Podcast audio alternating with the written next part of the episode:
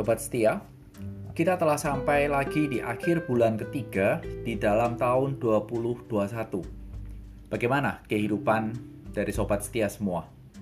Kiranya Tuhan senantiasa tetap menjadi pegangan kita dan sandaran kita dalam melewati berbagai dinamika kehidupan yang kita lalui.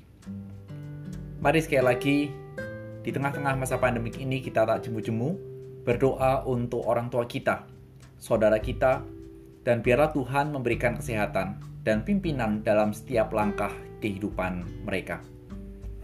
Hari ini, hari Selasa, kita masuk dalam episode ke-88 SS Podcast.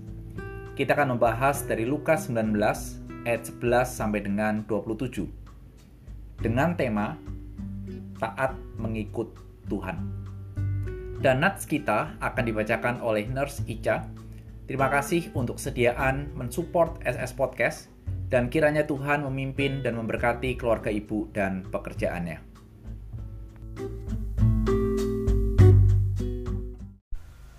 Lukas 19 ayat 11 sampai 27. Perumpamaan tentang uang mina. Untuk mereka yang mendengarkan dia di situ, Yesus melanjutkan perkataannya dengan suatu perumpamaan.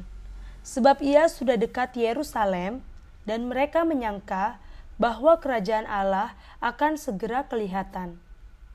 Maka ia berkata, ada seorang bangsawan berangkat ke sebuah negeri yang jauh untuk dinobatkan menjadi raja di situ, dan setelah itu baru kembali. Ia memanggil sepuluh orang hambanya dan memberikan sepuluh mina kepada mereka.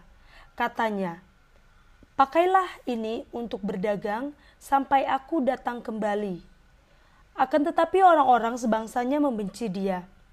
Lalu mengirimkan utusan menyusul dia untuk mengatakan, "Kami tidak mau orang ini menjadi raja atas kami." Dan terjadilah ketika ia kembali, setelah ia dinobatkan menjadi raja, ia menyuruh memanggil hamba-hambanya yang telah diberinya uang itu untuk mengetahui berapa hasil dagang mereka masing-masing. Orang yang pertama datang dan berkata, Tuan, mina Tuan yang satu itu telah menghasilkan sepuluh mina. Katanya kepada orang itu, baik sekali perbuatanmu itu. Hai hamba yang baik, engkau telah setia dalam perkara kecil. Karena itu, terimalah kekuasaan atas sepuluh kota. Datanglah yang kedua dan berkata, Tuan Mina, Tuan telah menghasilkan lima mina. Katanya kepada orang itu, dan engkau kuasailah lima kota.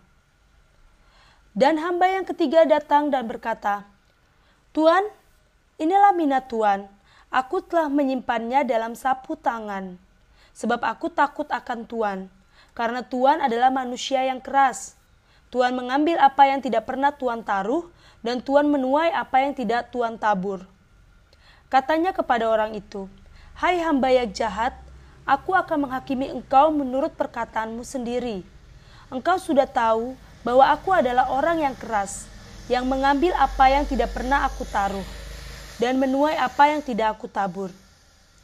Jika demikian, mengapa uangku tidak kau berikan kepada orang yang menjalankan uang? Maka sekembaliku, aku dapat mengambilnya serta dengan bunganya. Lalu katanya kepada orang-orang yang berdiri di situ, Ambillah mina yang satu itu daripadanya, dan berikanlah kepada orang yang mempunyai sepuluh mina itu. Kata mereka kepadanya, Tuan, ia sudah mempunyai sepuluh mina. Jawabnya, Aku berkata kepadamu, setiap orang yang mempunyai, kepadanya akan diberi. Tetapi siapa yang tidak mempunyai, daripadanya akan diambil, juga apa yang ada padanya. Akan tetapi semua seteruku ini yang tidak suka aku menjadi rajanya, bawalah mereka kemari dan bunuhlah mereka di depan mataku. Demikianlah firman Tuhan.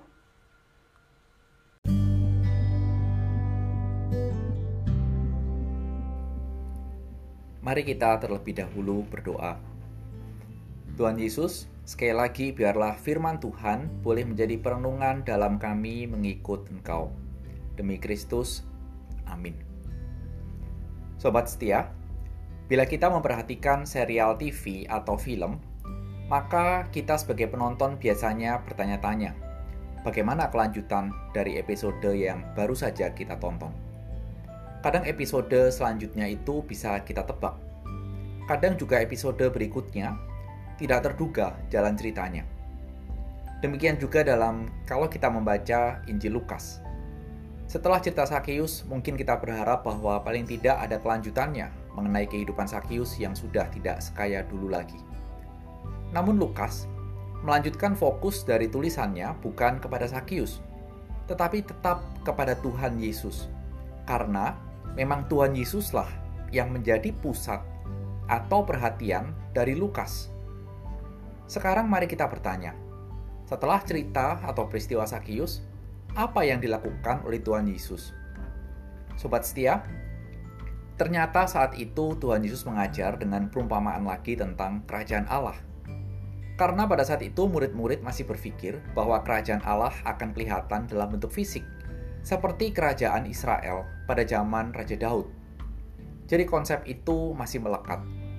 Mereka belum memahami bahwa perjalanan Tuhan Yesus menuju Yerusalem akan menghantar kepada puncak kedatangan Tuhan Yesus memasuki masa sengsara sebelum mati disalibkan di Yerusalem.